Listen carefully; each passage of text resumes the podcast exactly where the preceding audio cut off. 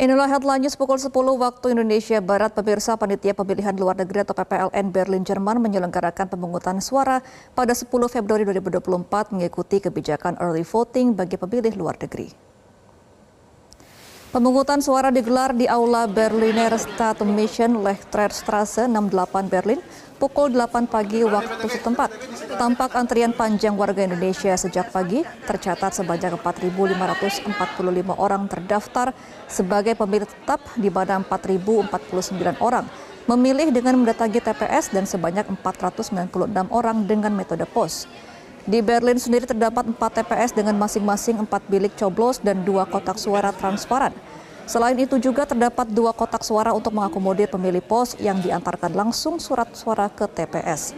Dalam rangka mengawal penyelenggaraan pemungutan suara yang berintegritas, proses pemungutan suara di TPS Berlin dihadiri juga oleh para saksi, baik saksi partai politik maupun pasangan calon. Pertama saya ingin sampaikan dulu bahwa pemungutan suara di Berlin diselenggarakan tanggal 10 Februari dan ini mengikuti uh, kebijakan KPU untuk early voting di luar negeri. Kenapa kami mengambil tanggal 10 ini jatuhnya hari Sabtu karena memudahkan pemilih untuk datang ke TPS. Jadi secara umum uh, berjalan dengan lancar. Sampai saat ini juga bisa dilihat antrian uh, pemilih juga sudah banyak gitu ya.